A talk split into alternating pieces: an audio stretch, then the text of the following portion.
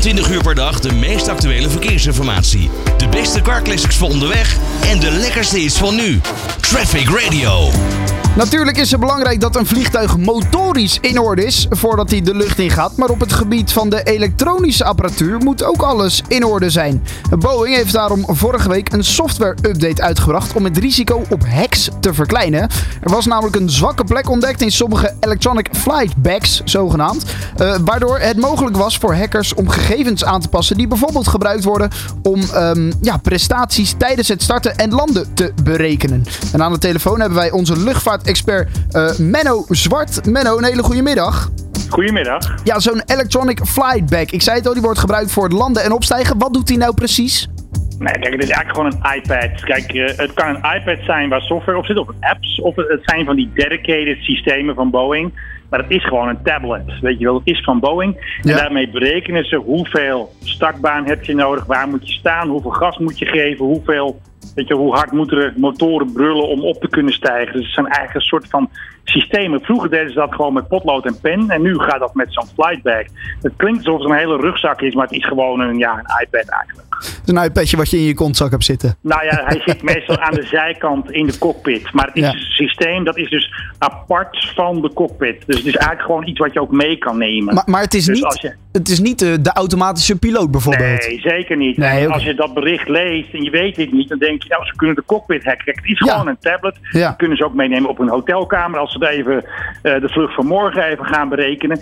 En die hackers zouden echt fysiek toegang moeten hebben tot die iPad of tablet. Weet je, die zouden ze echt moeten jatten van de piloot. Of moeten, ja, het is niet zo dat ze, dat ze op, op afstand via wifi of andere gekke dingen zo binnen kunnen komen.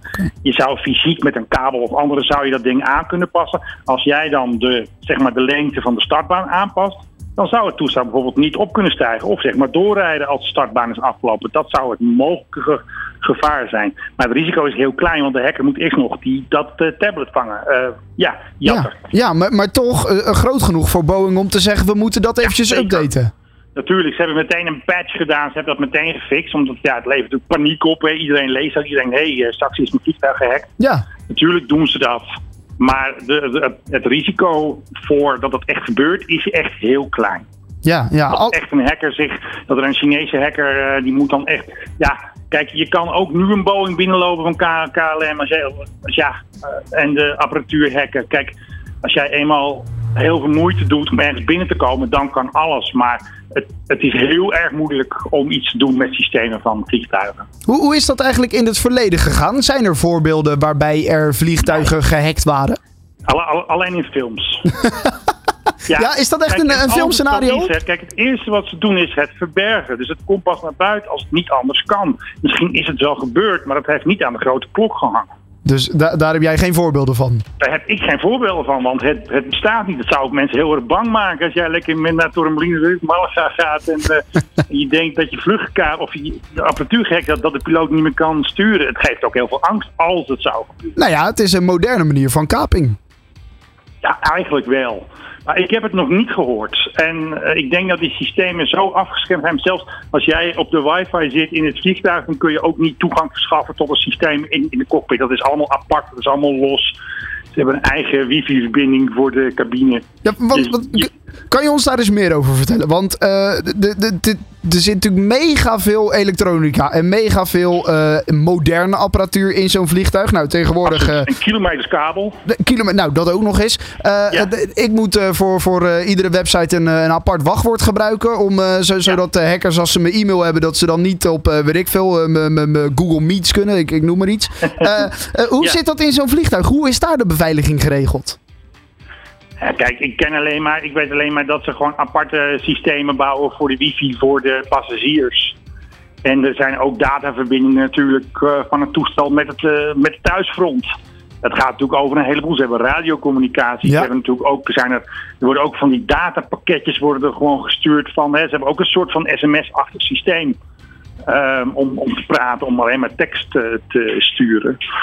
Ehm, het zijn eigenlijk gewoon systemen ja, waar eigenlijk niet zo heel veel bijzonder over, heel veel over te melden valt. Nee, maar in ieder geval goed beveiligd. Uh, ja, ja en, en, in dit geval is het dus eigenlijk, het is een nieuwtje wat Boeing naar buiten bracht, maar jij zegt zoveel stelt het niet voor. Nou, Boeing bracht het niet naar buiten. Het was zo'n hackersconferentie was het. En hackers hadden ontdekt dat een bepaald systeem, hè, dat Electronic Fabric van Boeing, dat die mogelijk kwetsbaar was voor hackers. Daar hebben ze dus een patch voor uitgevoerd. En toen heeft Boeing er meteen op gereageerd, omdat die hackersconventie op beurs, die bracht het naar buiten. Toen moest Boeing wel iets doen. Ja. En toen zeiden ze meteen, ja, is niks aan de hand hoor, want we, we hebben het al gefixt. Het is natuurlijk ook een beetje om die, dat uh, vertrouwen natuurlijk te houden. Dat je niet denkt van, hé, hey, piloot heeft een gekke iPad in zijn tas zitten. Dat wil je niet. Nee, maar dat vertrouwen zeg jij, dat, dat is er nog wel. Uh, het, het is... Zeker. Het, het, kijk, het, de kans was al klein. En nu, het, nu ze het gefixt hebben, is de kans nog kleiner.